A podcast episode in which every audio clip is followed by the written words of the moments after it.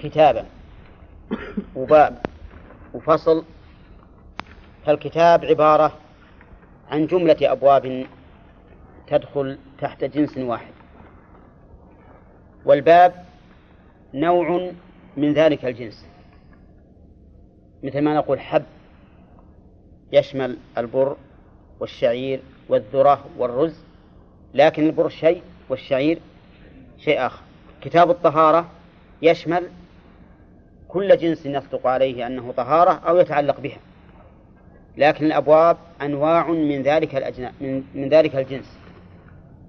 أما الفصول فهي عبارة عن مسائل تتميز عن غيرها ببعض الأشياء.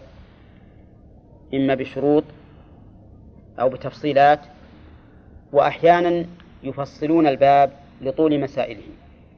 لا لانفراد بعضها في حكم خاص. ولكن لطول المسائل. يكتبون فصولا. الآنية جمع إناء وهو الوعاء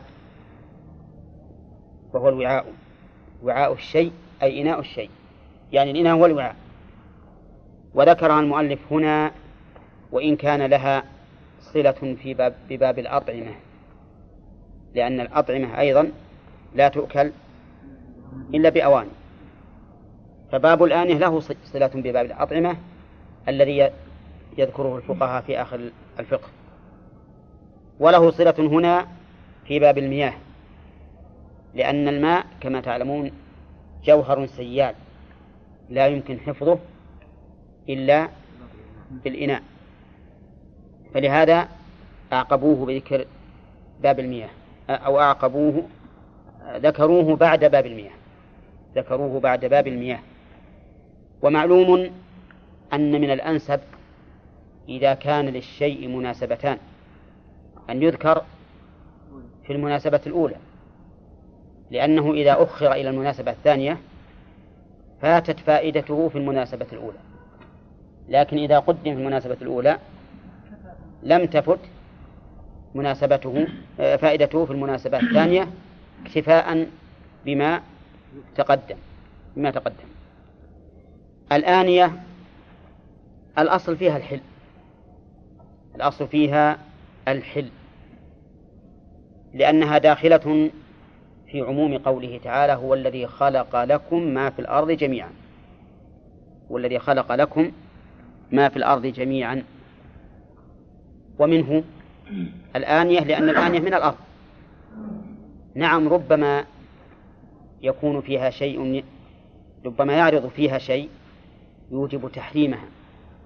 كما لو اتخذت على صورة حيوان مثلا فهنا تحرم لا لأنها آنية ولكن لأنها صارت على صورة محرمة. وإلا في الأصل الأصل فيها الحل. والدليل ما ذكرت هو هو الذي خلق لكم ما في الأرض جميعا. هذا من القرآن. ومن السنة قول النبي صلى الله عليه وسلم وما سكت عنه فهو عفو. وقال عليه الصلاة والسلام إن الله تعالى فرض فرائض فلا تضيعوها وحد حدودا فلا تعتدوها وسكت عن أشياء رحمة بكم غير نسيان فلا تبحثوا عنها. إذن فالأصل فيما سكت الله عنه إيش؟ الحل إلا في العبادات. في العبادات الأصل التحريم. لأن العبادات طريق موصل إلى الله عز وجل. فإذا لم نعلم أن الله وضعه طريقا إليه حرم علينا أن نتخذه طريقا. وكما دلت الآيات والأحاديث على أن العبادات موقوفة على إيش؟ على الشرع. أم لهم شركاء شرعوا لهم من الدين ما لم يأذن به الله. دل هذا على أن ما يدان ما يدين به العبد ربه لا بد أن يأذن الله به. وقال النبي عليه الصلاة والسلام إياكم ومحدثات الأمور فإن كل بدعة ضلالة. لكن في هذا الباب؟ تبونه؟ أزين؟ إن الأصل في الأواني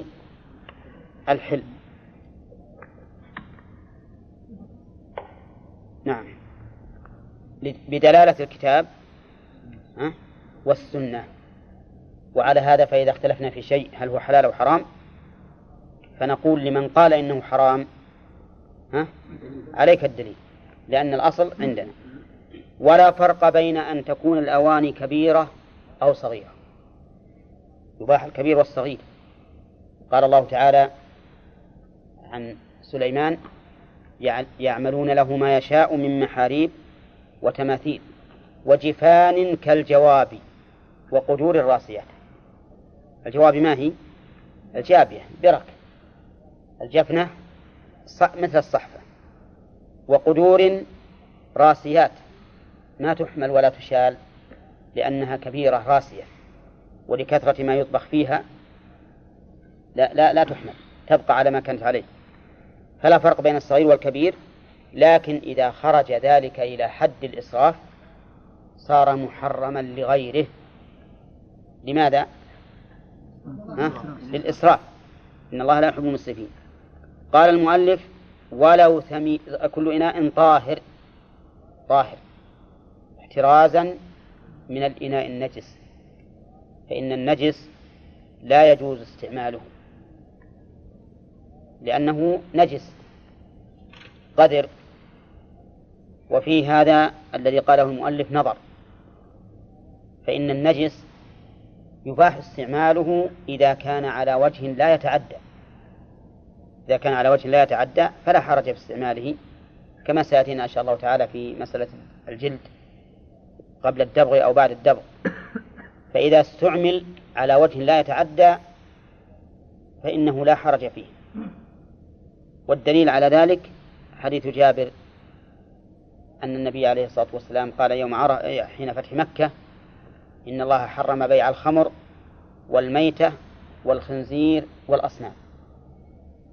قالوا يا رسول الله أرأيت شحوم الميتة فإنه تطلى بها السفن وتدن بها الجلود ويستصبح بها الناس؟ قال لا هو حرام.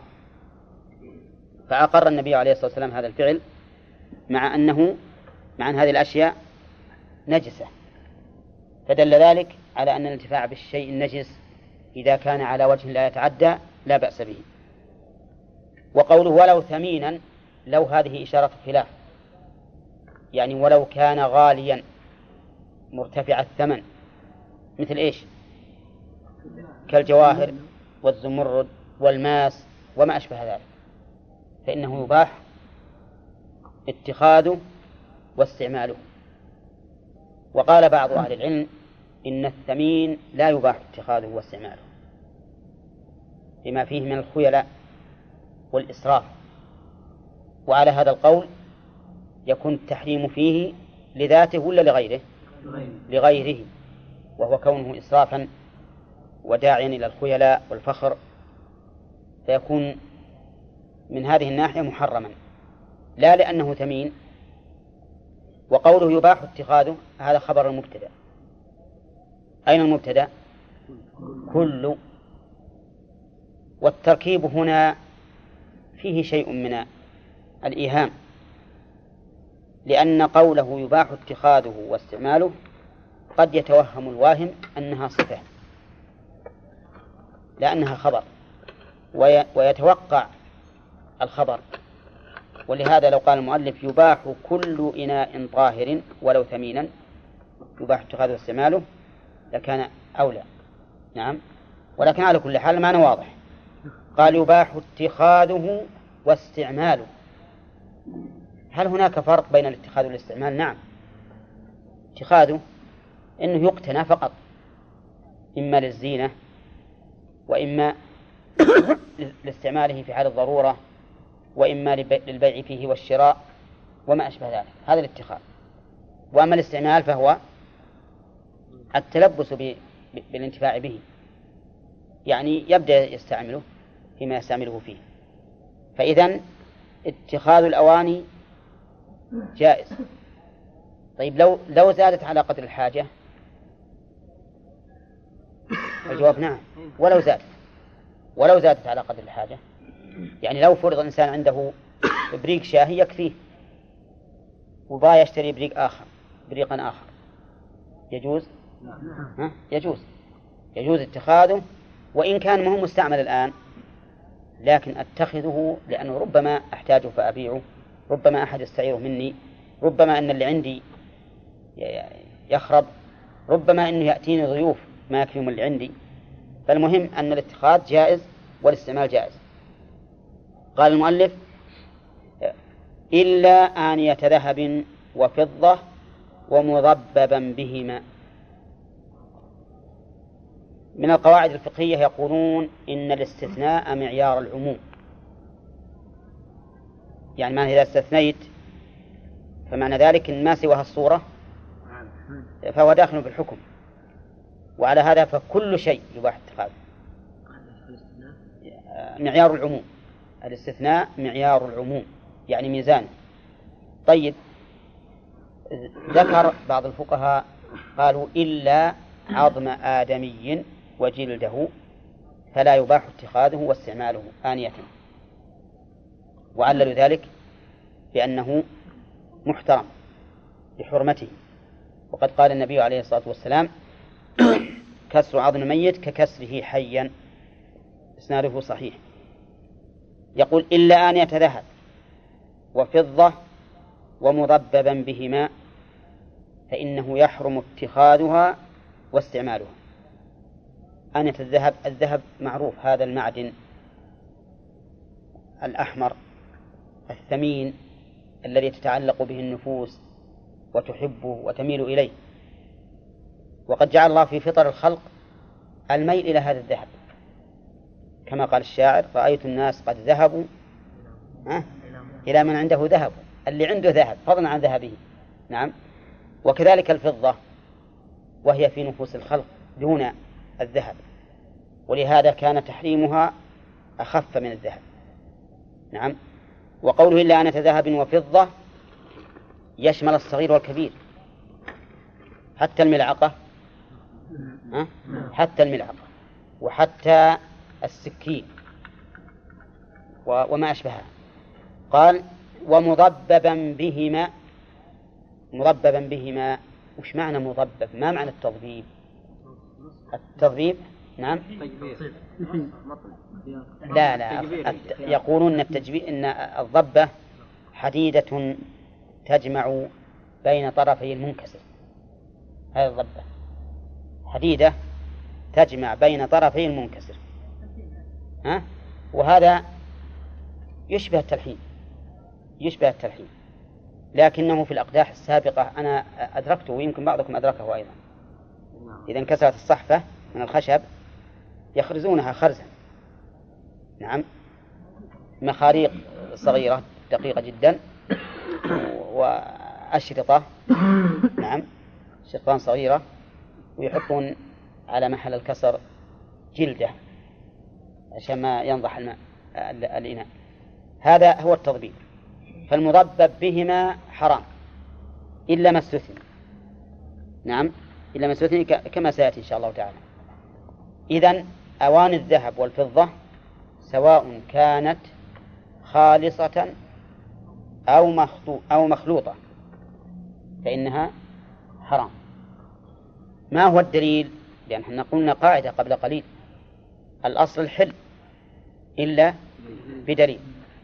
الدليل حديث حذيفة رضي الله عنه لا تأكلوا في آنية الذهب والفضة لا, لا تشربوا في آنية الذهب والفضة ولا تأكلوا في صحافهما فإنها لهم في الدنيا ولكم في الآخرة. وكذلك حديث أم سلمة الذي يشرب في الذهب في آنية الفضة إنما يجرجر في بطنه نار جهنم. وهذا دليل على أن النهي للتحريم. حديث حذيفة النهي فيه للتحريم لا للكراهة وذلك لأن الرسول صلى الله عليه وسلم توعده بنار جهنم. فيكون محرما بل من كبائر الذنوب. يكون محرما بل من كبائر الذنوب. هذا هو الدليل. طيب إذا قيل المضبب بهما لو قال قائل الحديث في الآنية نفسها نعم. فالجواب أنه ورد في حديث رواه الدار قطني أنه من شرب بأن الذهب والفضة أو في شيء فيه منهما فيه منهما. وأيضا ما المحرم المحرم مفسدة. فإن كان خالصا فمفسدته خالصة وإن كان غير خالص ففيه بقدر هذه المفسدة. ففيه بقدر هذه المفسدة. ولهذا المحرم يحرم قليله كثيره كل شيء محرم حكم الشارع بأنه محرم فإنه حرام قليله وكثيره. هذا وجه قول المؤلف أو مضببا بهما قال فإنه يحرم اتخاذها واستعمالها. قول اتخاذها. واستعمالها بينهما فرق. بينهما فرق كما تقدم. وعندنا هنا ثلاث حالات. اتخاذ واستعمال وأكل وشرب ثلاث أشياء. اتخاذ واستعمال وأكل وشرب. أما الاتخاذ فهو على المذهب حرام كما قال المؤلف. وفيه قول آخر إنه في المذهب أيضا في مذهب الإمام أحمد بن حنبل وحكي عن عن الشافعي أنه ليس بحرام اتخاذ أواني الذهب والفضة وهو قول في مذهب الإمام أحمد. الثاني الاستعمال وهو محرم في المذهب قولا واحدا إنه ما يحرم است... إنه يحرم استعماله في غير الأكل والشرب. مثل إيش؟ في الاكل والشرب ها؟ إيه؟ مثل الوضوء. الوضوء فيها. يحفظ بها أشياء. نعم. من أدوية أو غيرها. وما أشبه ذلك. هذا حرام. قولا واحدا في المذهب. أما الثالث الأكل والشرب بها فإنه حرام بالنص. بعضهم حكى الإجماع أيضا. الأكل والشرب فيها بعضهم حكى الإجماع على التحريم ولا شك أن النص ظاهر فيه.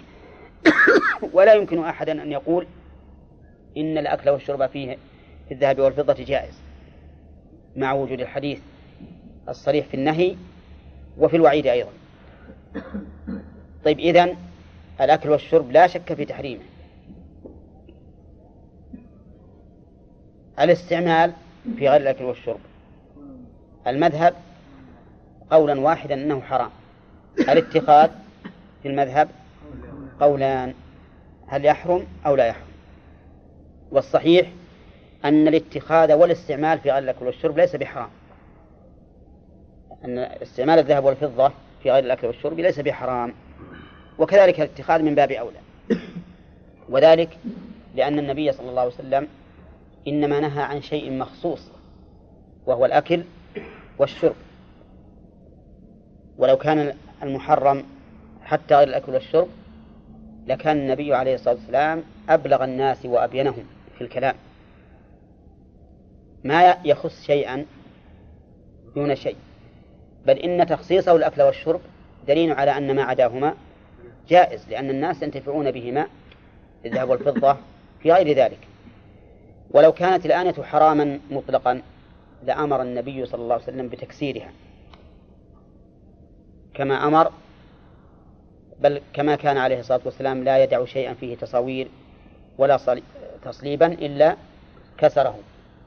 فلو كانت الآنية محرمة محرمة لكان يأمر بكسرها لأنه إذا كانت محرمة في كل الحالات في الاتخاذ والاستعمال وفي الأكل والشرب إذا ليس لبقائها فائدة. ما ليس لها إلا التكسير. ويدل لذلك أن أم سلمة وهي راوية الحديث كان عندها جلجل من فضة. جلجل من فضة الجلجل شيء يشبه الطابوق جعلت فيه شعرات من شعر من شعر النبي عليه الصلاة والسلام فكان الناس يستشفون بها. إذا مرض أحد أو أصابه ألم يبعثه إليها بماء وتجعله في هذا الجلجل وتخضخضه بالشعرات ثم تعطيه المريض. فيشفى بإذن الله عز وجل. وهذا الحديث هذا الحديث عنها صحيح في البخاري. وهي راوية الحديث. وهذا استعمال له ولا لا؟ استعمال له لكن في غير الأكل والشرب. فالصحيح أنه لا يحرم إلا ما حرمه رسول الله صلى الله عليه وسلم في الأواني وهو الأكل والشرب. فإن قال قائل حرمها الرسول في الأكل والشرب لأنه هو الأغلب استعمالا. هو الأغلب استعمالا. وما علق به الحكم لكونه أغلب فإنه لا يقتضي تخصيصه به. كما في قوله تعالى وربائبكم اللاتي في حجوركم من نسائكم. فقيد تحريم الربيبة بكونها في الحجر وهي مع ذلك تحرم وإن لم تكن في حجره على قول أكثر أهل العلم. قلنا هذا صحيح لكن كون الرسول عليه الصلاة والسلام يعلق الحكم بالأكل والشرب لأن مظهر الأمة في الترف في الأكل والشرب أبلغ منه في مظهرها في غير ذلك. وهذه علة تقتضي تخصيص الحكم بالأكل والشرب تقتضي تخصيصه بالأكل والشرب لأنه لا شك أن الإنسان اللي أوانيه في الأكل والشرب ذهب وفضة. مثل الإنسان الذي يستعملها في حاجات أخرى تخفى على كثير من الناس. ولا يكون مظهر الأمة الإسلامية هو التفاخر بالذهب والفضة. نعم. نعم. أيضا ما ينص ومو بيشرب منه. خذ خذوه ومنصبه للمريض ويشرب. ما هو يشرب من هذا؟ ما يشرب من لا لا ما يشرب منه. نعم. ما يمكن يحرم. يعني بصرف النظر عن هذا الحديث لأنه سرق هذا الآن يخسر هو إذا حرم لغيره لا بأس. الكلام على أنه إذا حرم لغيره إذا صار إذا وصل إلى حد الصرف حرم من جهة الإسراف. ولهذا مثل الآن اللي بيحي يتخذ إناء من هذا الثمين اللي البليتين ها؟ وعند الناس أشد من من الذهب. ومع ذلك هو حلال. لكن لو فرض أنه خرج إلى حد الإسراف وقيل إن هذا من باب الإسراف ولكن الناس يعتادونه صار حراما لغيره. فالكلام على أصل الإباحة وأما ما حرم لغيره فهذا باب واسع كل الأشياء كل الأشياء المباحة إذا تضمنت محرما صارت حراما من باب الوسائل. أيهن؟ لا لا غير صحيح لا صحيح. الشوكاني رده وقال هذا مو بصحيح. فيها ضعف فيها ضعف فيها ضعف لكن لها قوة. كما أنا ولهذا أنا أردفتها بالقاعدة. أن الشيء المحرم يحرم سواء كان خالصا أو مشتركا. نعم. بقينا قول المؤلف ومضببا بهما فإنه يحرم اتخاذه واستعمالها يشمل الرجال والنساء. ها؟ يشمل الرجال والنساء. فلا يجوز للمرأة أن تستعمل أواني الذهب والفضة كما لا يجوز للرجل. فإن قال قائل أليس يجوز للمرأة أن تتحلى بالذهب؟ فالجواب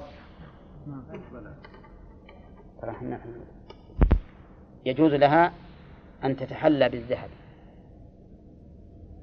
ولكن الرجل لا يجوز له ذلك.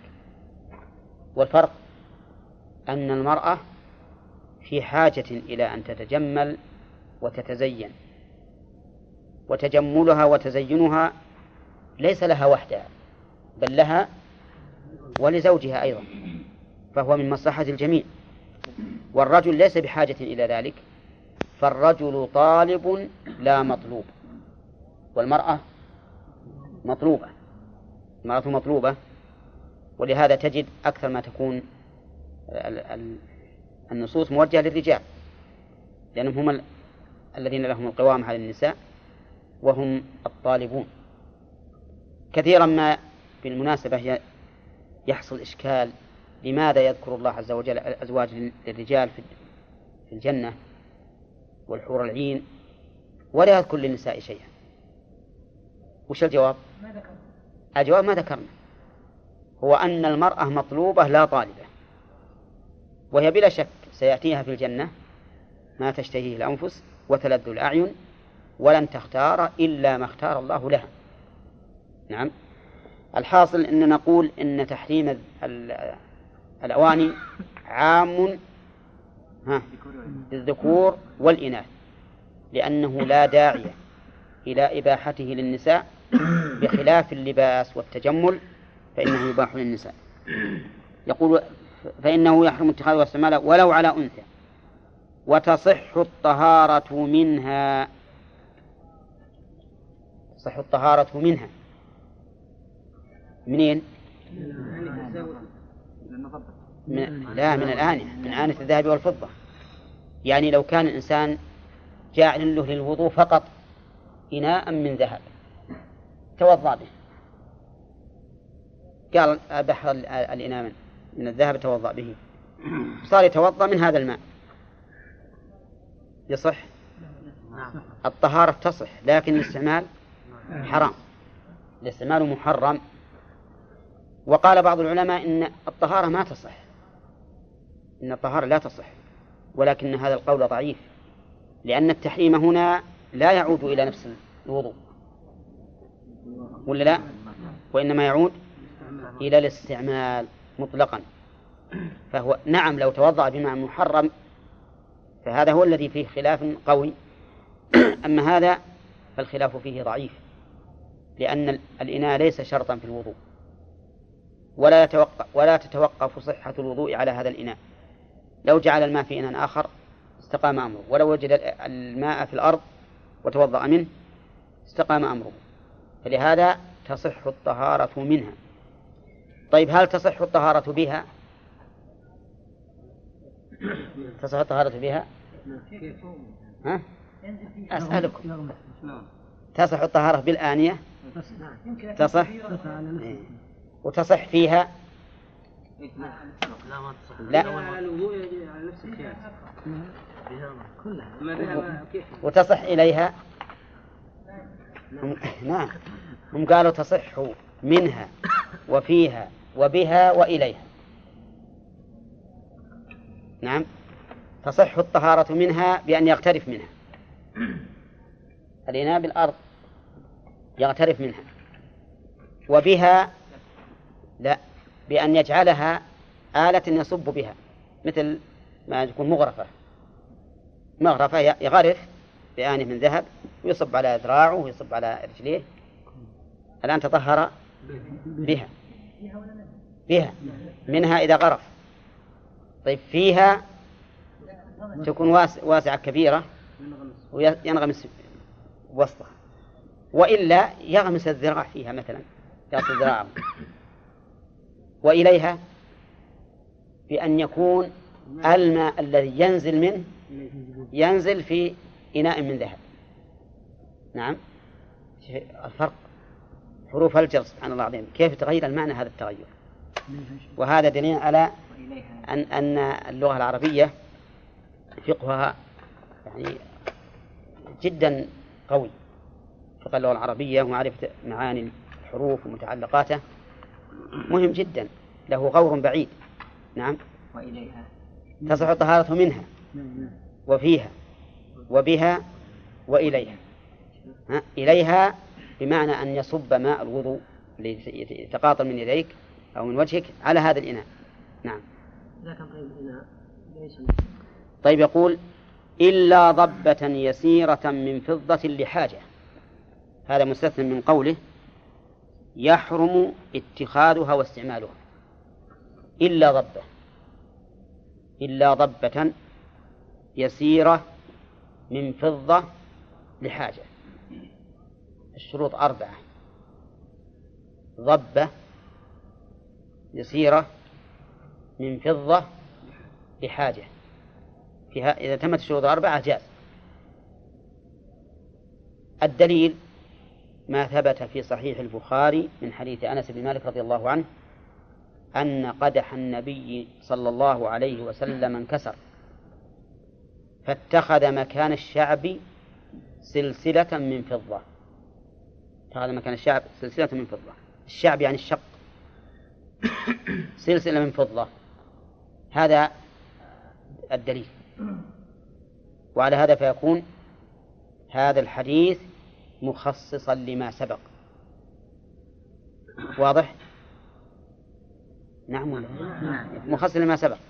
طيب إذا قال قائل من أين اتخذتم اشتراط أن تكون يسيرة قلنا لأن هذا هو الغالب في القدح القدح صغير ما يشرب به. والغالب أنه لا إذا انكسر ما يحتاج إلى شيء كثير. والأصل التحريم ولا الحل في الفضة؟ التحريم. التحريم. فنقتصر على ما هو الغالب أو المتيقن. وقوله من فضة ضبة.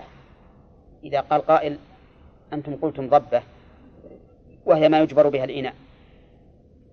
لو جعل الإنسان مثل ما قال الأخ أحمد لو جعل على خرطوم الإبريق فضة يجوز ولا لا؟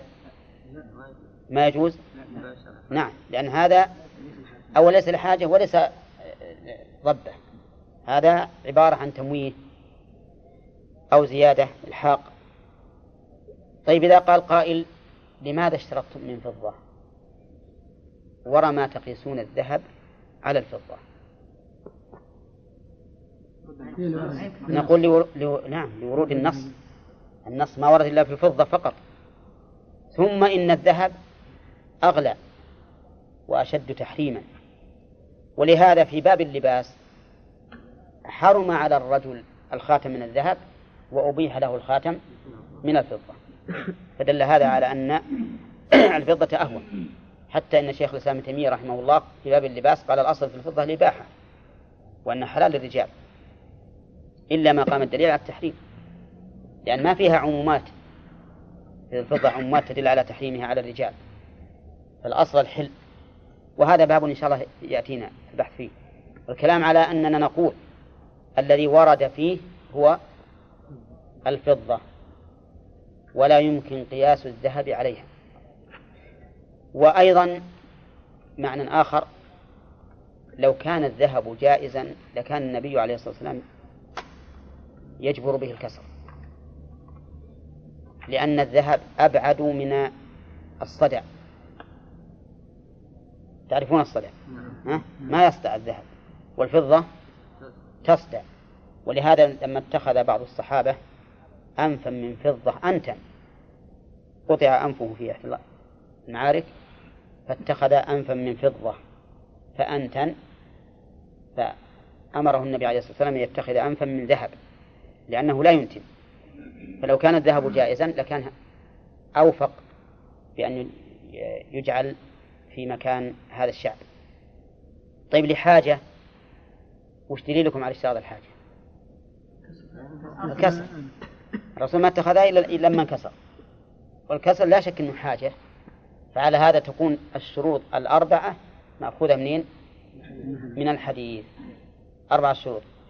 ضبة يسيرة من فضة لحاجة. طيب إذا كانت غير ضبة فهي حرام.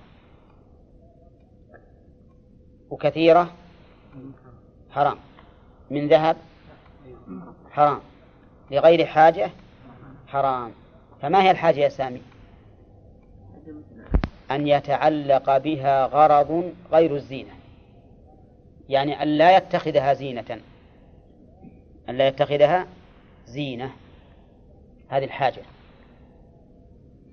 وليست الحاجة أن لا يجد ما يجبر به الكسر سواها. لأن هذا مو حاجة هذا ضرورة. عرفتم؟ الحاجة الحاجة معناه أن لا يتخذها زينة. نعم. وتعبيرهم أي يتعلق بها غرض غير الزينة. قال شيخ الإسلام رحمه الله وليس المعنى أن لا يجد غيره. لا يجبر به. فإن هذه ضرورة وهي تبيح المنفرد. لو اضطر الإنسان إلى أن يشرب بآن الذهب ما في مانع يشرب لأنه ضرورة. نعم. وإن قال قائل ما يتصور الضرورة في الإناء؟ ما يتصور الضرورة في الإناء. فالجواب لا يتصور. يتصور؟ ها؟ يتصور. لا ما هو مقطوع يديه إلا عنده يدين على عشرين إصبع ما يخالف. ما في يدين وفي كل شيء. لكن واحد يبي يطبخ طعام. ها؟ وش يسوي؟ يطبخ على يديه؟ ما يمكن. نعم. يطبخ بخشب؟ ما يمكن. يشتري فيه أواني من الذهب. ما يقدر في أواني أخرى ما عنده قيمة. فحينئذ يكون الضرورة متصورة. نعم. أي نعم. وكذلك في ماء. أي لا. ولو ينزله من شق ما طلع شيء. ولا عندها الآن إلا إلا إلا, إلا هذه. نعم يكون ضرورة. نعم. نعم الضرورة تبيح المحظور نعم. والحاجة تبيح أو تجيز الكراهة نعم. هنا قال يعني تعبيرهم أنه يجوز للحاجة نعم. صحيح. كيف؟ أو إحنا ذكرنا من قبل قاعدة أن المحرم للوسيلة. إذا كان تحريمه تحريم وسائل فإن الحاجة تبيحه. ما قلنا هذا؟ قلنا؟ قلنا في قاعدة أنه إذا كان الشيء محرما من باب تحريم الوسائل فإن الحاجة تبيحه. ومثلنا بواجد أشياء. نعم. بنظر المخطوبة مثلا. ومثلنا بالعرايا. نعم. ويمثل أيضا بهذا. لأن هذا إنما حرم ما فيه شيء منهما لئلا يكون وسيلة إلى اتخاذ الكامل. مباشرة الضبة اليسيرة تكره لغير حاجة. فإن احتاج إلى ذلك فلا. ما معنى مباشرتها؟ معنى مباشرتها أن الإنسان إذا أراد أن يشرب من هذا الإناء المضبب شرب من عند الضبة. فيباشرها بشفتيه. هذا معناه. عرفتم؟ هذا معنى قوله تكره مباشرتها. مع أنها هي حلال ولا حرام؟ هي حلال. لكن يقول لا يباشر هذا هذه الفضة. يكره. نعم. والمكروه عند الفقهاء هو ما نهي عنه لا على سبيل الإلزام بالترك. ما نهي عنه. لا على سبيل الإلزام بالترك وحكمه أنه يثاب تاركه امتثالا ولا يعاقب فاعله بخلاف الحرام.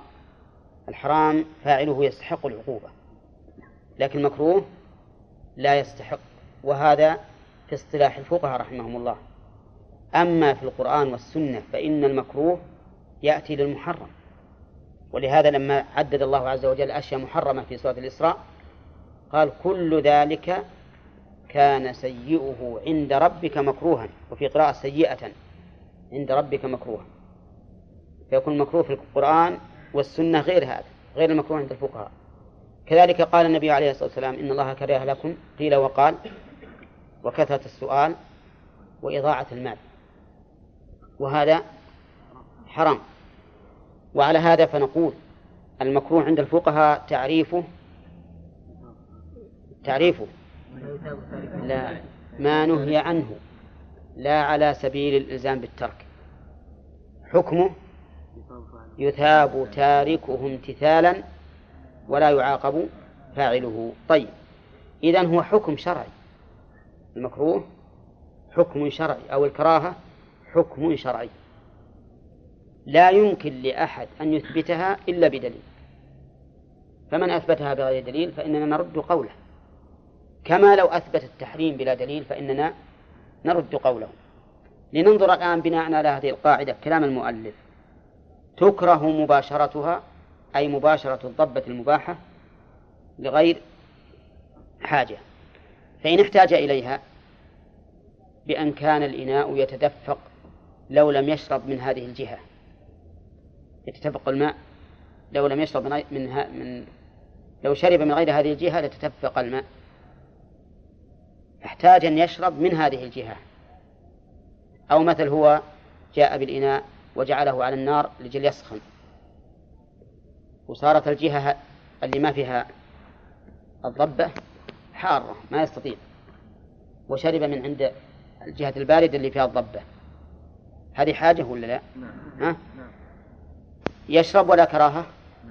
يشرب ولا كراهة فإن لم يحتج فكلام المؤلف صريح في أنه مكروه ولكن الصواب أنه ليس بمكروه وأنه يجوز أن يباشرها لماذا؟ لأن الكراهة حكم شرعي يحتاج في إثباته إلى دليل وما دام قد ثبت أن هذه الضبة مباحة بمقتضى النص. حديث أنس أن قدح النبي عليه الصلاة والسلام انكسر فاتخذ مكان الشعب سلسلة من فضة. هذا مباح بمقتضى النص. فإذا كان مباحا فما الذي يجعل مباشرته مكروهة؟ وهل ورد أن الرسول صلى الله عليه وسلم كان يتوقع هذه الجهة من إناء من قدحه؟ لا. وحينئذ فالصحيح إيش؟ الصحيح أنه لا كراهة. وذلك لأن هذا شيء مباح ومباشرة المباح مباحة قال المؤلف رحمه الله وتباح آنية الكفار ولو لم تحل ذبائحهم وثيابهم. ثيابهم أولا آنية بالرفع على أنها نائب فاعل. ولو لم تحل ذبائحهم ذبائح بالرفع على أنها فاعل.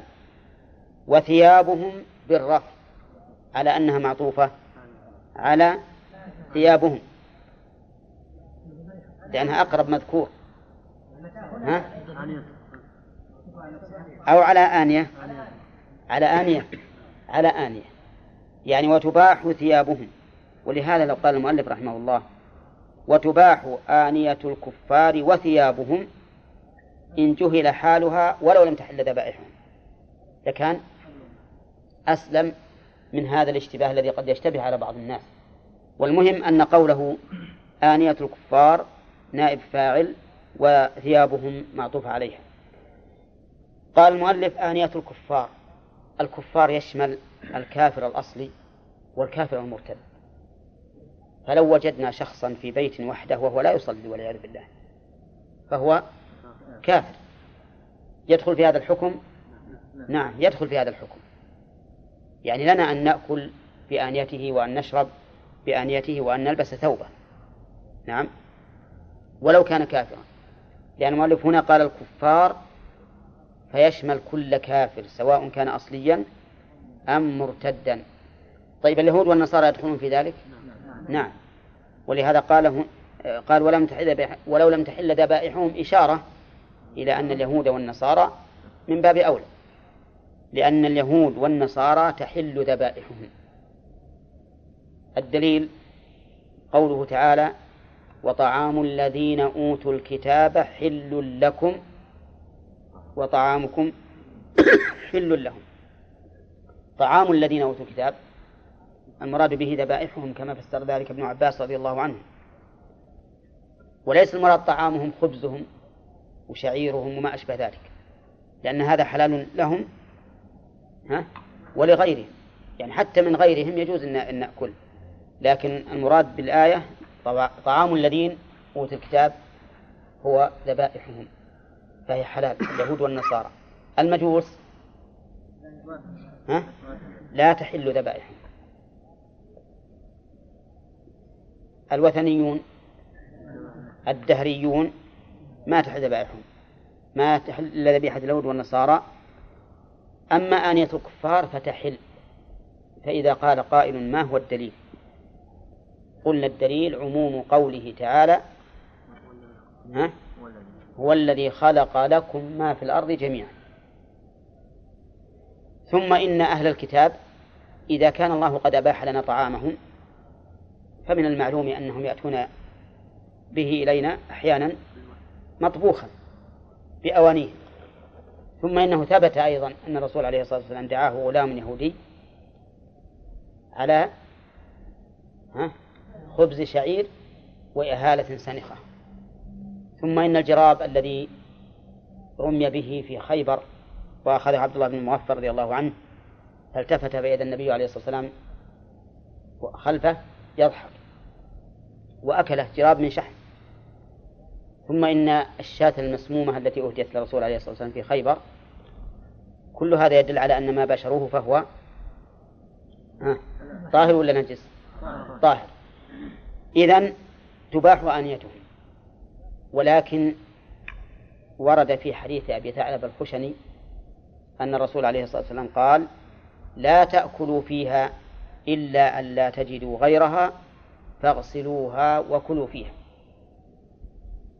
فهذا يدل على أن الأولى التنزه الأولى التنزه. ولكن كثيرا من أهل العلم حملوا هذا الحديث على أناس عرفوا بمباشرة النجاسات من أكل الخنزير ونحوه فقالوا إن هؤلاء منع الرسول عليه الصلاة والسلام من الأكل في أنيتهم إلا إذا لم نجد فإننا نغسل ذلك ونأكل فيها. وهذا الحمل جيد لأن هذا مقتضى قواعد الشرع. وقد ثبت أن النبي صلى الله عليه وسلم توضأ وأصحابه توضأوا من مزادة امرأة مشركة من مزادة امرأة مشركة وهي التي عبت الماء فيها وحمل.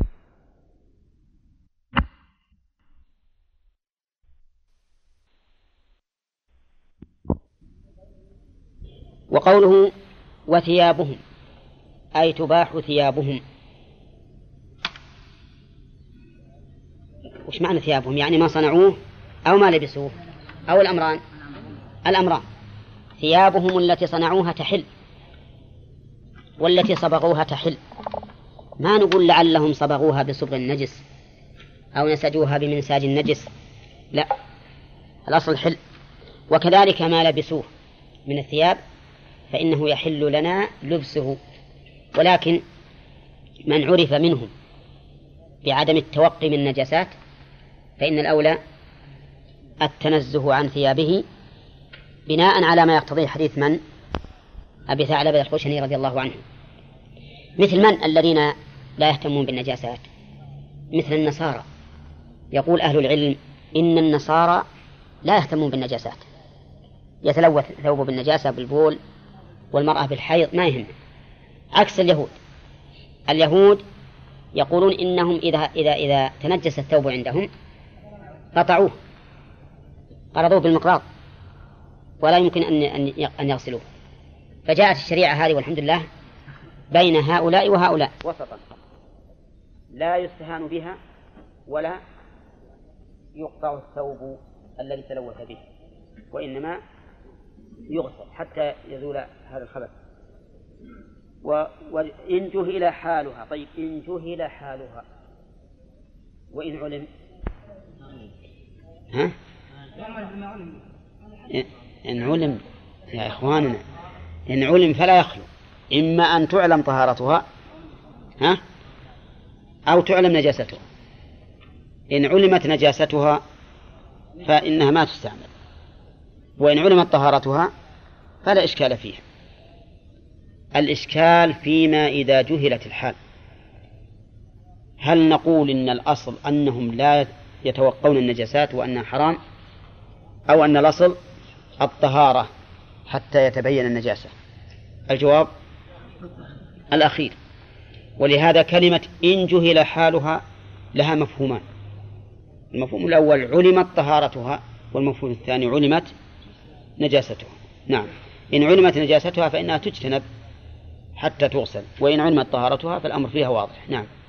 هذا مختص بالثياب المستعملة عندهم ولا حتى إن كانت صنعت يعني؟ حتى نعم المصنوعة والملبوسة كلها. ثم قال المؤلف ولا يطهر جلد ميتة بدباغ. لا يطهر جلد ميتة بدباغ. الدبغ معروف وهو عبارة عن تنظيف الأذى والقدر الذي كان في في الجلد بواسطة مواد تضاف إلى إلى إلى الماء ومنها القرض. القرض شيء أشبه ماله والله أعلم اللي يسمونه عندنا الكرمة. ما أدري إيش يسمونه عندنا نعم. على كل حال هذا الدبغ يعني عبارة عن تنظيف الجلد وإزالة ما يكون فيه من الخبث فإذا دبغ الجلد فإن المؤلف يقول إنه لا يطهر بالدباغ. لا يطهر بالدباغ. وهنا نسأل أولا هل جلد الميتة نجس؟ نعم. الجواب فيه تفصيل. إن كانت الميتة طاهرة فجلدها طاهر. وإن كانت الميتة نجسة فجلدها نجس. أولى هل هناك ميتة طاهرة؟ مثل السمك.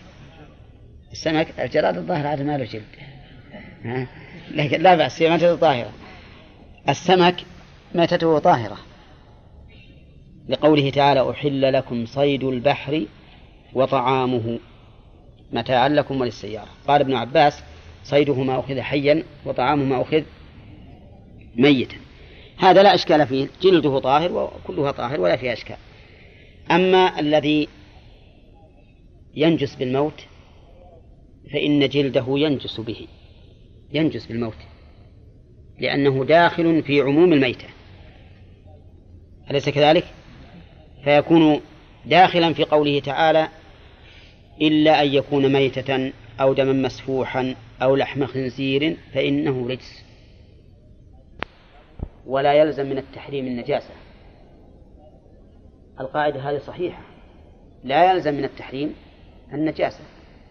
ولهذا السم حرام وليس بنجس. أولى والتتن حرام وليس بنجس. والخمر حرام وليس بنجس على قول الراجح. فلا يلزم من التحريم النجاسة. لأننا نجيب عن ذلك بأن الله عز وجل علل لما قال لا أجد محرما إلا أن يكون ميتة أو دما مسفوحا أو لحم خنزير فإنه رجس. فإنه رجس. هذا واضح أنه نجس. فإذا الميتة نجسة. الميتة نجسة وجلدها نجس. ولكن هل إذا دبغناه يطهر أو لا؟ اختلف في ذلك أهل العلم. فقال بعض العلماء إنه لا يطهر. إنه لا يطهر. وهو كما ترون المذهب. أنه لا يطهر بالدباغ. لماذا؟ قالوا لأن الميتة نجسة العين. ونجس العين لا يمكن أن يطهر.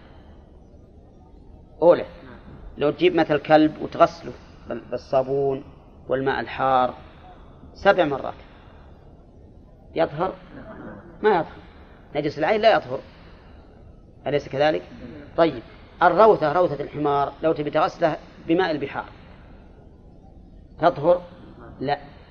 فيقولون إن الجلد إنه عين نجسة.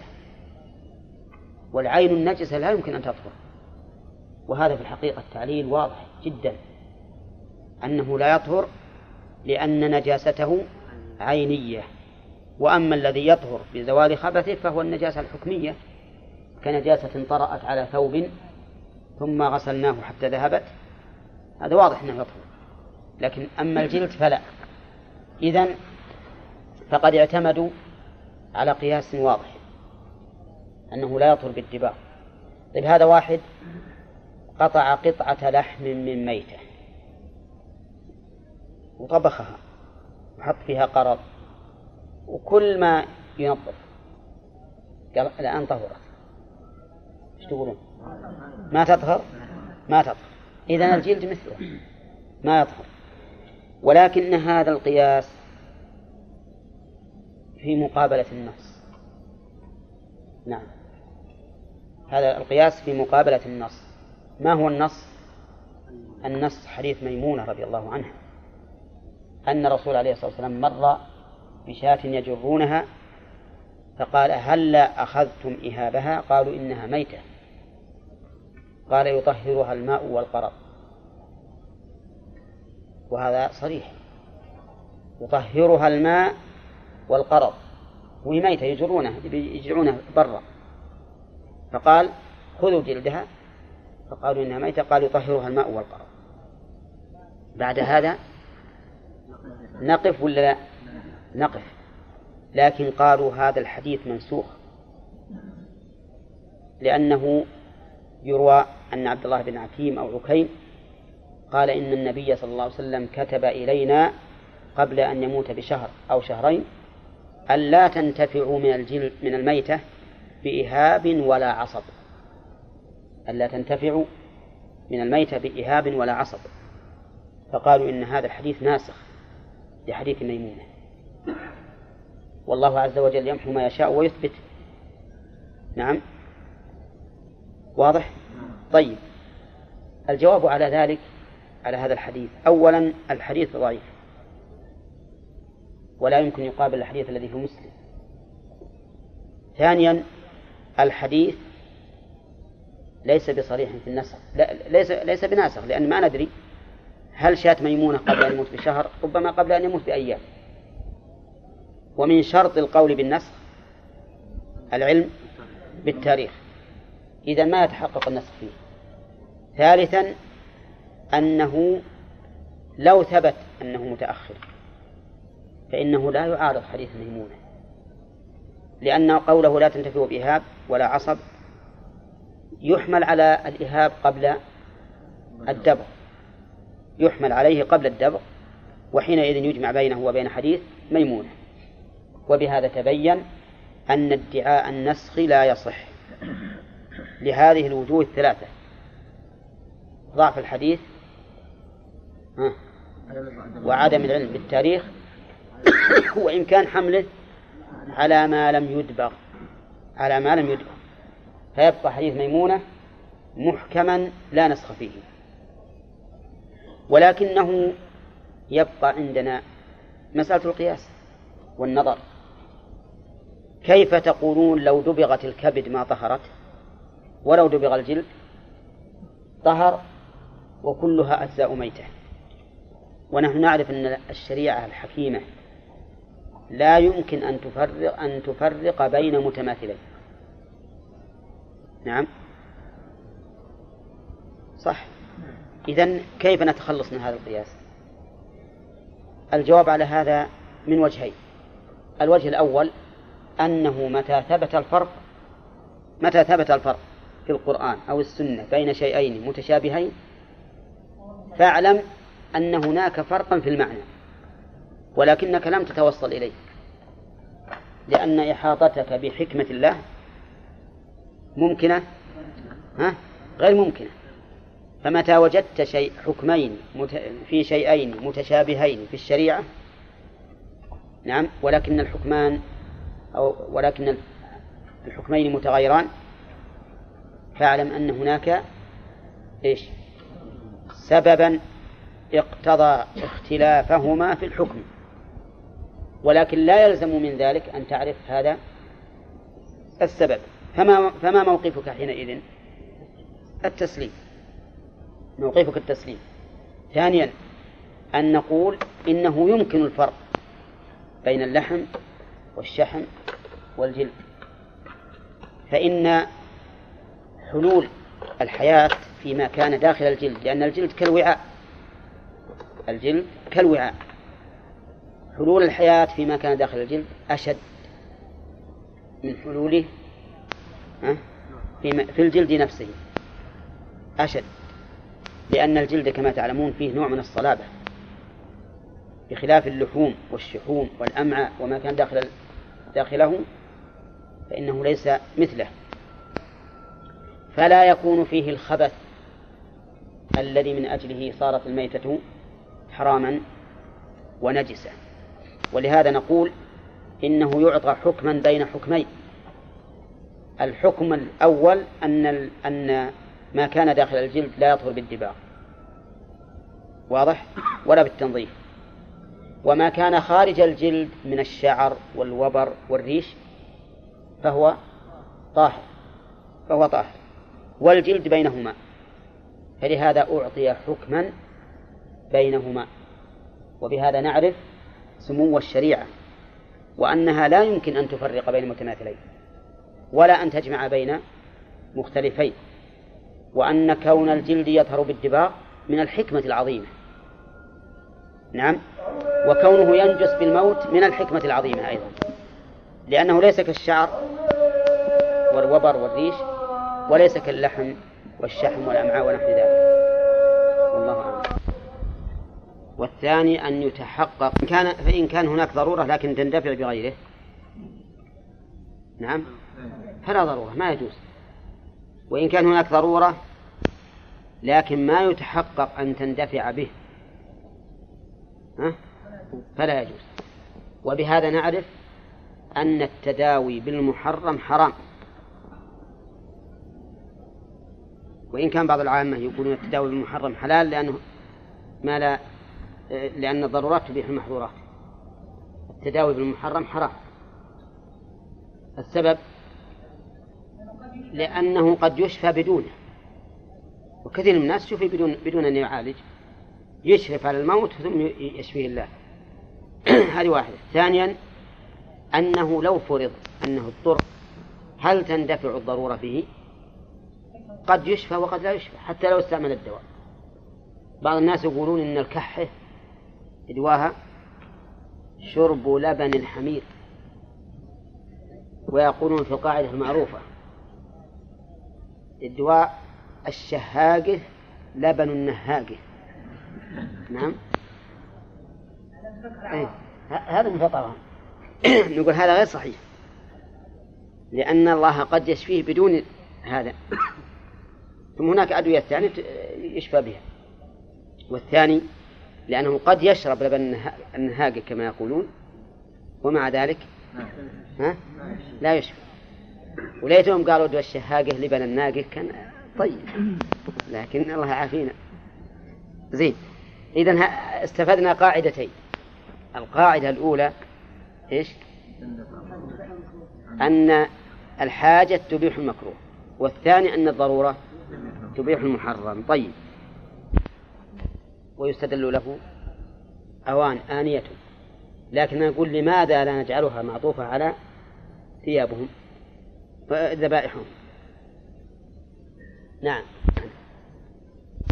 لفساد المعنى. هذا العلة لو قلت ولو لم تحل ذبائحهم وثيابهم صار المعنى ولو لم تحل ثيابهم. ولو لم تحل ثيابهم. ولا أحد يقول إن ثياب الكفار ما تحل إلا إذا كانوا معروفين بملابس النجاسة ففيها خلاف المهم أنها معطوفة على آنية. النظرية من وجهين. الوجه الأول أنها علة في مقابلة النص فتكون مهدرة باطلة والوجه الثاني أن نقول إن النظر الصحيح عندما يتأمل الإنسان يدل على أن على أن القياس الصحيح ما دل عليه النص من كونه يظهر يظهر بالدباغ. نعم. نبدأ بدرس الجديد الآن. الجواب عن لأنه يطهر؟ ما في جواب لأن, لأن هذا هو الصحيح. بس ما يمكن أن يجاب عن الحديث لأنه يجرونها. نعم. فقال هل لا أخذتم إهابها نعم. فانتفعتم به. قالوا يا رسول الله إنها ميتة. نعم. قال يطهرها الماء والقرض نعم. هذا صريح. صريح واضح. إنه ذكر عن أهل اللغة يقولون إن الاهاب ما هذا صريح. هذا ميتة يجرونه. نعم. وقال إنها ميتة كيف ننتفع؟ قال يطهرها. يطهرها. ميتة يجرونها ما دبغت الميتة اللي تجار ما دبغ جلدها هو إيه بس الجلد رطب الآن. مو هو الآن أي حتى لو كانت ميتة. كيف لو كانت ميتة؟ حتى لو كانت ميتة يكون الجلد رطب قبل الدب ولا ولا كان رطب. فيكون اهابا ولو كان اهابا لكن الرسول يقول يطهره. الماء والقرار اذا يصير طاهر ولا لا؟ يكون طاهر هذا هو المقصود. على كل حال الآن نقول الصحيح أنه إذا دبغ يطهر. أنه إذا دبغ يكون طاهرا. نعم للأحاديث الصحيحة في صحيح مسلم وغيره. وأما حديث عبد الله بن حكيم فإن هذا ضعيف ولو صح فإنه يحمل على ما كان قبل الدم. على ما كان قبل الدم. نعم. يقول و... و... ويباح استعماله بعد الدبغ في يابس. يباح استعماله استعمال إيش؟ جلد الميتة. بعد الدبغ في يابس أفادنا المؤلف أن استعماله قبل الدبغ لا يجوز. لا في يابس ولا في غير يابس لأنه نجس. وظاهره أيضا أنه لا يجوز ولو بعد أن نشف الجلد وصار يابسا. وهذا فيه نظر. لأن نقول إذا كان يابسا واستعمل في يابس فإن النجاسة هنا لا تتعدى لا تتعدى كما لو قددناه وجعلناه حبالا لا لا لا يباشر بها الأشياء الرطب الرطبة فإن هذا لا مانع منه وأما قوله في يابس بعد الدبغ في يابس في الرطب يجوز ولا لا؟ لا, أه؟ لا يجوز في الرطب يعني ما يجوز أن نجعل فيه ماء ولو بعد الدبغ ولا أن نجعل فيه لبنا ولا أن نجعل فيه أي شيء رطب. لماذا؟ لأنه إذا كان نجسا ولاقاه طاهر ماء تنجس الماء به. هذا هذا الماء يتنجس به. وأما إذا كان في يابس والجلد يابس فإنه لا لا يتنجس به. لأنه النجاسة ما يتعدى حكمها إلا إذا تعدى أثرها. فإذا لم يتعدى أثرها فإن حكمها لا يتعدى. ولهذا عند العامة كلمة حقيقية. يقولون ليس بين اليابسين نجاسة. ليس بين اليابسين نجاسة. يعني إذا تلاق إذا تلاقى نجسان. وهما يابسان. فإن النجاسة لا تنتقل إلى الطاهر. وقوله يباح استعماله بعد في يابس. إذا قلنا بالقول الراجح الصحيح أنه يطهر الدباغ فإنه يباح استعماله في اليابس وفي الرطب. ويدل لذلك أن الرسول توضأ هو وأصحابه من مزادة امرأة مشركة. وذبائح وذبائح المشركين؟ ها؟ نجسة. ذبائح المشركين نجسة. فتوضأ النبي عليه الصلاة والسلام وأصحابه. من هذه المزادة يدل على أنه يباح استعماله في الرطب لأنه يكون طاهرا. يباح. لا نائب الفاعل هو استعمال لكن من الضمير في استعمال. يعني استعمال الجلد حال كونه من حيوان طاهر في الحياة فإنه يباح استعماله. فإنه يباح استعماله في اليابس. أفادنا المؤلف هنا أن الذي يباح استعماله بعد الدبر في اليابس إذا كان من حيوان طاهر في الحياة. ما هو الطاهر في الحياة؟ أولا كل مأكول فإنه طاهر في الحياة. كل مأكول فهو طاهر في الحياة. مثل إبل بقر غنم ضبع ضباء وما أشبهه. كذا؟ طيب. ثانيا على المذهب. كل حيوان من الهر فأقل. من الهر فأقل خلقة. فإنه طاهر في الحياة. مثل الهرة طاهرة في الحياة لقول الرسول عليه الصلاة والسلام إنها من الطوافين عليكم. إنها ليست بنجس إنها من الطوافين عليكم. ثالثا كل شيء ليس له نفس سائلة. يعني دم. كل شيء ليس له دم. يسيل إذا ذبح أو قتل فإنه طاهر. هذا الحيوان الطاهر. رابعا الآدمي لكن الآدمي هنا غير وارد لأن استعمال جلد الآدمي محرم لا لنجاسته ولكن لحرمته. نعم. طيب إذن لو دبغ الإنسان جلد فأرة أو جلد هرة هل يطهر على المذهب؟ لا لا يطهر. لا يطهر. ما شيء يطهر على المذهب. لكن يباح استعماله في اليابس. وعلى القول الثاني يطهر. فيباح استعماله في اليابسات والمائعات. واضح؟ طيب يصح أن أن نجعل جلد الهرة السقاء صغير. إذا ربغناه إيه؟ لا المثل ما واضح ما على القول الثاني يصح لأنه طهر. فمدار الخلاف الآن على الطاهر في الحياة جلد الحيوان الطاهر في الحياة. طبالكم وهذا هو أحد القولين في هذه المسألة أن مناط الحكم على طهارة الحيوان في حال الحياة. فما كان طاهرا في الحياة فإنه يباح استعماله بعد الدبغ في يابس ولا يطهر على المذهب. وعلى القول الثاني يطهر. فيه قول ثالث أن جلد الميتة يطهر بالدباغ لكن بشرط أن تكون الميتة مما تحله الزكاة. أن تكون الميتة مما تحله الزكاة يعني مما يؤكل. فأما ما لا تحله الزكاة فإنه لا يطهر. وهذا القول هو الراجح. وعلى هذا فجلد الهر وما دونه في الخلقة لا يطهر. ودليل هذا القول أن في بعض ألفاظ الحديث دباغ جلود الميتة زكاتها زكاتها فعبر بالزكاة.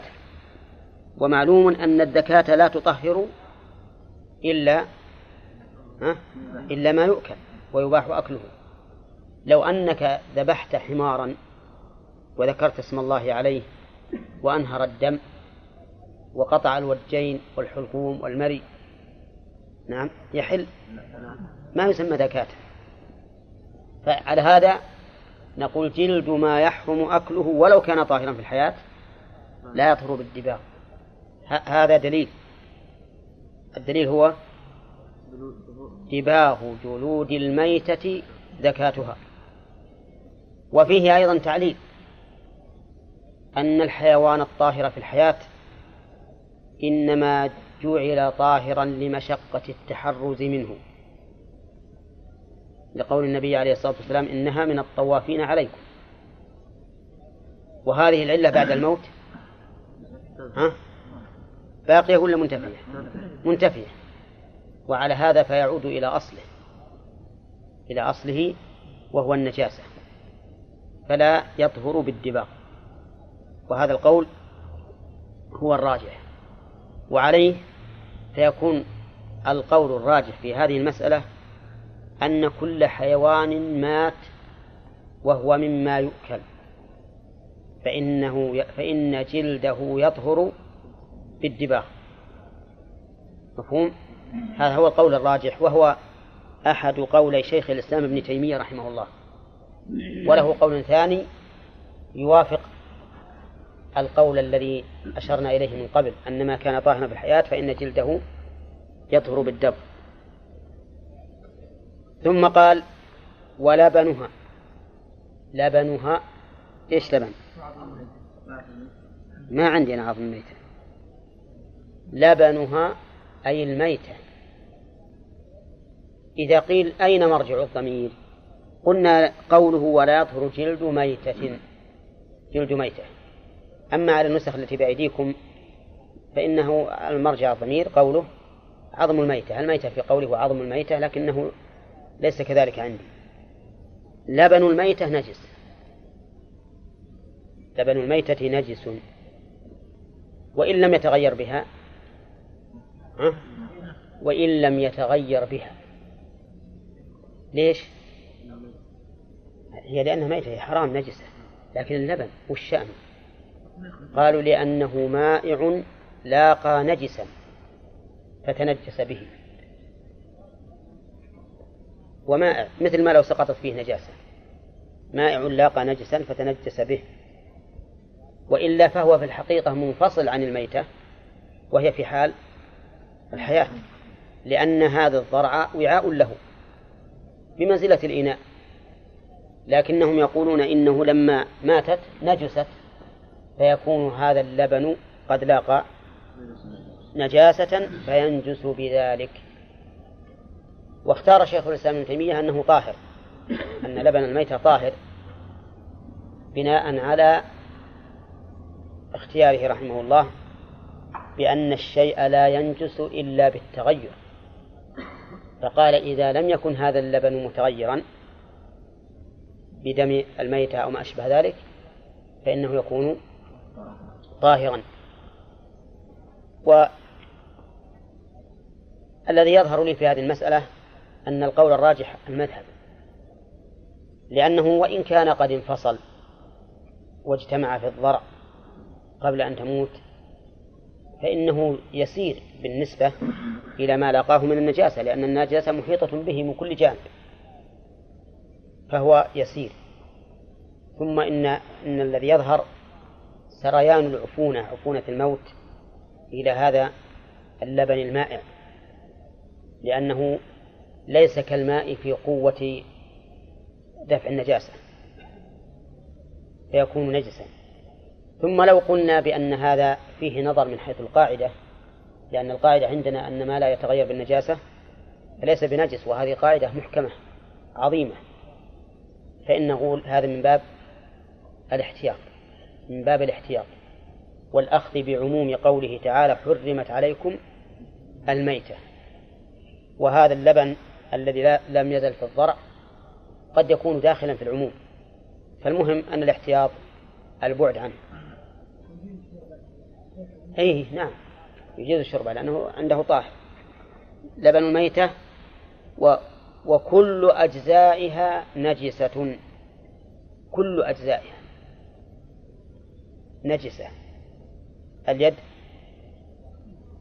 الرجل العين الرأس كل الأجزاء نجسة لعموم قوله تعالى إلا أن يكون ميتة. أو دما مسفوحا أو لحم خنزير فإنه رجس. والميتة يطلق على كل الحيوان. كل ظاهر وباطن. يقول المؤلف طيب هل يدخل في قوله كل أجزائها الجلد؟ لكن سبق الكلام عليه. وهو قوله ولا يطهر جلد ميتة. لأن قوله ولا يطهر جلد ميتة من لازمه أنه نجس. واضح؟ أي. لا. بس لا لا أبدا. هذا الجلد قد لا نقول من الأجزاء وقد نقول من الأجزاء ولكن سبق الكلام عليه. قال غير شعر ونحوه. غير شعر. الشعر ونحوه كالصوف والوبر والريش. هذه أربعة الشعر والصوف والوبر والريش. الصوف للغنم الضأن والوبر للإبل والشعر لما للمعز والبقر وما أشبهها. والريش للطيور. طيب وقول المؤلف لبنها وكل أجزائها نجسة يستثنى من ذلك ما ميتته طاهرة. وش الميتة طاهرة؟ السمك. السمك يعني كل حيوان البحر بدون استثناء فإن ميتته طاهرة حلال. لقول الله تعالى أحل لكم صيد البحر وطعامه. قال ابن عباس رضي الله عنهما صيده ما أخذ حيا وطعامه ما أخذ ميتا. هل يلزم من الحل الطهارة؟ نعم. ما في شك. يلزم من الحل, الطهارة. وهل يلزم من الحرمة النجاسة؟ طيب هل يلزم من النجاسة التحريم؟ نعم. نعم كل إذا ناخذ قواعد ثلاث الآن. كل حلال فهو طاهر. نعم. وكل نجس فهو حرام وليس كل حرام نجسا تمام؟ طيب يستثنى حيوان البحر كله هذا ميتته طاهرة. يستثنى أيضا ميتة الآدم فإنها طاهرة. لعموم قول الرسول عليه الصلاة والسلام المؤمن لا ينجس حيا ولا ميتا. قوله إن المؤمن لا ينجس. إن المؤمن لا ينجس. ولأن الرجل إذا مات يغسل. ولو كان نجسا ما أفاد به التغسيل. طيب والثالث كل ما ليس له دم. كل ما ليس له دم. والمراد الدم الذي ينسفح إذا ذبح أو قتل. مثل كالذباب والصراصير والجراد وغيرها. نعم. الوزغ. الوزغ يقول الإمام أحمد له نفس سائلة. والعقرب؟ لا. ليست كذلك. العقرب ما له دم. ها؟ إيه كيف له دم؟ لا لكنه يؤثر على الأرض ينزل الأرض طيب الفأرة؟ لها نفس لها لها دم يسيل؟ إذا هي نجسة. طيب إذا كل ما ليس له دم يسيل عند ذبحه فإنه طاهر. ها؟ منين؟ هي طاهرة في الحياة لكن كلامنا بعد الموت. هي نجسة بعد الموت. طيب ما هو الدليل؟ على طهارة ما ليس له دم. يسير. الدليل قول النبي عليه الصلاة والسلام في حديث أبي هريرة إذا وقع الذباب في شراب أحدكم فليغمسه ثم لينزعه. فإن قوله فليغمسه يشمل غمسه في الماء الحار. وهو إذا غمس في الماء الحار ها يموت. يموت. ولو كان ينجس كان الرسول يأمر بإراقته. نعم. لا في هذا في خلاف يأتينا إن شاء الله في النجاسة. طيب هذه هذه الحيوان الحيوان الطاهر في الحياة المؤلف يقول نحن نتكلم عن الحيوان الطاهر في الحياة. والمؤلف يقول لبنها كل أجزائها نجسة استثنينا من الميتة الطاهر في الحياة وهي ثلاثة أشياء صارت ثلاثة أشياء. أولى كذا؟ إذا يستثنى من الميتة ما كان طاهرا بعد الموت وهو ثلاثة أشياء حيوان البحر والآدمي وما لا نفس له سائلة يعني ما لا دام له يسير. هذه طاهرة. طيب. هو يلزم من طهارة الشيء حله؟ لا. لا يلزم. يلزم من حله الطهارة ولا يلزم من طهارته الحل فبعر البعير ويوكل. طيب إذا لازم من طهارة الحل ما لا نفس له سائلة طاهر ويلزم منه الحل؟ لا. نعم. طيب هذه تضاف إلى القواعد الثلاث السابقة تكون أربع قواعد. نعم. أنه لا يلزم من الحل الط... لا يلزم من الطهارة الحل. طيب يقول المؤلف كل أجزائها نجسة غير شعر ونحوه. لكنهم اشترطوا رحمهم الله في الشعر ونحوه أن يجز جزا لا أن يقلع قلعا. يجز يعني إما بمقص وإما بموس ولا يقلع قلعا. لماذا؟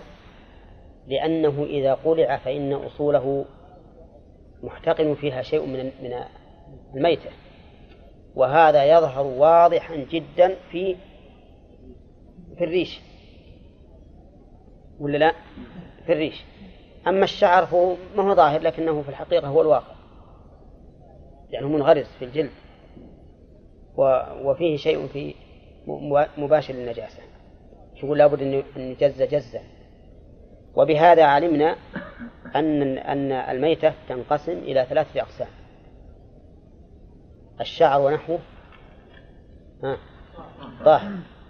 اللحم وما كان داخل الجلد نجس ولا ينفع فيه. دباغ ولا غيره. والثالث الجلد وهو طبقة بينهما وفيه والحكم ليس ليس إلى هذا ولا إلى هذا. بل هو بل حكمه بينهما. ذكر الفقهاء في هذا ذكر الشارع رحمه الله أن جعل المصران والكرش وترا دباغ. كلام باللغة العربية هذا. نعم. لا. جعلوا المصران والكرش وترا دباغ. هذا إيه هذا هذه العبارة. جعل النسان والكرش وترا دباغ. أظن حسين يمكن يعرب لنا هذا. ترجم. المصران معروفة ولا لا؟ والكرش معروف. جعلوا وترا يعني حبالا. حبال وتر. دباغ يعني بمنزلة الدباغ. وبناء على ذلك يكون طاهرا. ويجوز استعماله في اليابسات على المذهب. لكن صاحب الفروع رحمه الله وهو من أشهر تلاميذ شيخ الإسلام ابن تيمية ولا سيما في الفقه يقول يتوجه لا. يتوجه لا. المعنى أن أن الذي يرى هو رحمه الله أن الأوجه بناء على المذهب أو بناء على قول الراجح عنده أنه ليس ليس دباغا وما قاله متوجه لأن المسان والكرش من صلب الميتة. ما يطهر بهذا. لا سيما أيضا أنه يقول يجعل وتر ما يدبغ لأنه ما ما, ما يدبغ فالصواب ما ذهب إليه صاحب الفروع. أنه لا. وبهذه المناسبة صاحب الفروع رحمه الله يقول من عنده ويتوجه وصاحب الغاية غاية الذي الشيخ مرعي رحمه الله من المتأخرين جمع فيها بين المنتهى والإقناع. غاية المنتهى في الجمع بين الإقناع والمنتهى. إذا أراد أن يقول شيئا يفرعه من عنده يقول يتجه يتجه. ففرق بين اتجاه صاحب الغاية وتوجيه صاحب الفروع. أفهمتم؟ يعني هذه ينفعكم إذا مر عليكم مثل بعض الحواشي ويتجه كذا فهو من عبارات من؟ مرعي صاحب الغاية من المتأخرين وإذا قيل يتوجه فهو من كلام صاحب الفروع لكن بين التوجيه والاتجاه من حيث القوة والتعليل والدليل فرق عظيم يعني توجيهات صاحب الفروع رحمه الله غالبها مبني على القواعد والأصول. أما اتجاهات الإمام الشيخ المرعي رحمه الله فهي دون مستوى تلك. نعم يقول غير شاعر ونحوه وما أبين من حي فهو كميتته. هذه قاعدة فقهية. ما أبين. ما إعراب ما. أي مبتدأ محلها الرفع لكن ما نوعها؟ استفهامية شرطية ها؟ موصولة. لكن إن جعلتها موصولة قالت لك الفاء في قوله فهو كميتته وش محل أجل؟ ليش أجي؟ لأن الفاء ما تأتي إلا رابطة.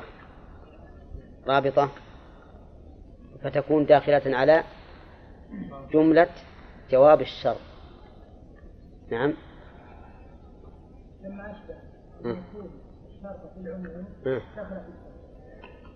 طيب هذا خلاف الأصل. إذا معناه إن, إن إذا جعلناها ما موصولة فإن شبهناها بالشرطية وأدخلنا الفاء في جوابها. مفهوم؟ لكن إذا جعلنا ما شرطية فهو أولى. أولى من ناحية من ناحية المعنى ومن ناحية اللفظ. أما من ناحية اللفظ فلوجود الفاء في الجواب وأما من ناحية المعنى فلأن هذه قاعدة. واستعمال الشرط في القاعدة أبلغ من استعمال اسم الموصول. فنقول ما أبين هذه ما شرطية. وأبين بمعنى فصل. أبين بمعنى فصل. وقوله من حي يعني من حيوان حي. ولا حتى من الشجر الحي. أي من الحيوان. وقوله فهو كميتته يعني طهارة ونجاسة وحلا وحرمة. فهمتم؟ ما أبين من من الآدمي فهو طاهر حرام لحرمه لحرمته لا لنجاسته وخبثه. ما أبين من البقرة ها فهو نجس نجس حرام لأن ميتتها نجسة حرام. ما أبين من السمك؟ ظاهر حلال.